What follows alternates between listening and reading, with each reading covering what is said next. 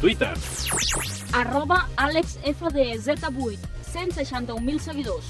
Facebook. 3.400 m'agrades. Instagram. 10.000 seguidors. Total, 173.400 usuaris a les xarxes. els followers d'Àlex Fernández omplirien quatre estadis de Cornellà al Prat.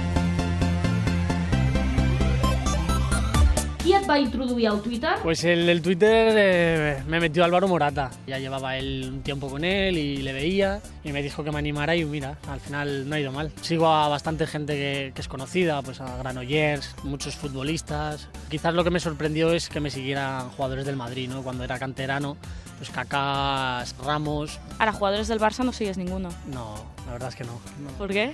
No, soy muy, soy muy perico, antes era muy madridista, eh, no busco la información del Barcelona. I estàs enganxat? Bueno, adicto no, pero sí, sí bastante activo. Me gusta mucho seguir un poco todas las informaciones que pasan en el día a día deportivamente y, y en la actualidad de la sociedad. Eh, quizás tweets pongo tres o cuatro al día y, y mirar las noticias bastante.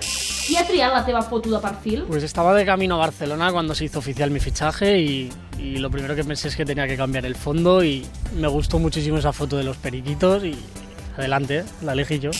Ets els jugadors de l'Espanyol que més èxit té a la xarxa. Creo que sí, Mike Capdevila también tiene bastantes, lo que pasa es que apenas lo utilizan, pero bueno, me sorprende bastante. También sé que muchos de los seguidores que tengo es de mi pasado madridista y es normal, ¿no?, que cuando vienes de ese club, pero también es verdad que me ha crecido mucho los seguidores pericos. Què passa quan retuiteges en català? Quizás me baja algún que otro seguidor, pero no, no pasa nada, es, es comprensible. Antes era madridista, ahora perico, habrá gente madridista que ya no se, sentirá- se sentirá identificado. Aunque pierdas seguidores, ¿seguirás retuiteando las cosas que te llegan en catalán? Sí, sí es importante, siempre retuiteo cosas importantes. Bueno, muchas veces se retuitea ayudas a, a niños perdidos. El hashtag que més utilitza, Cuixinet LQSA, la que se avecina. Desde aquí quiero mandar felicitaciones al que ha creado esa serie porque la verdad es que me lo paso muy bien, muy bien.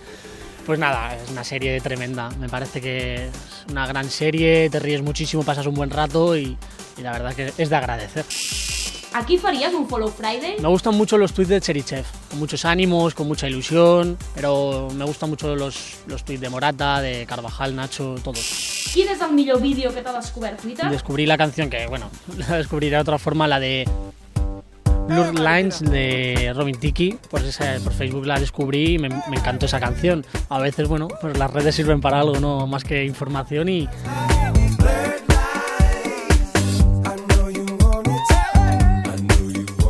seguirme, pues bueno, encantado y si no, pues lo entiendo.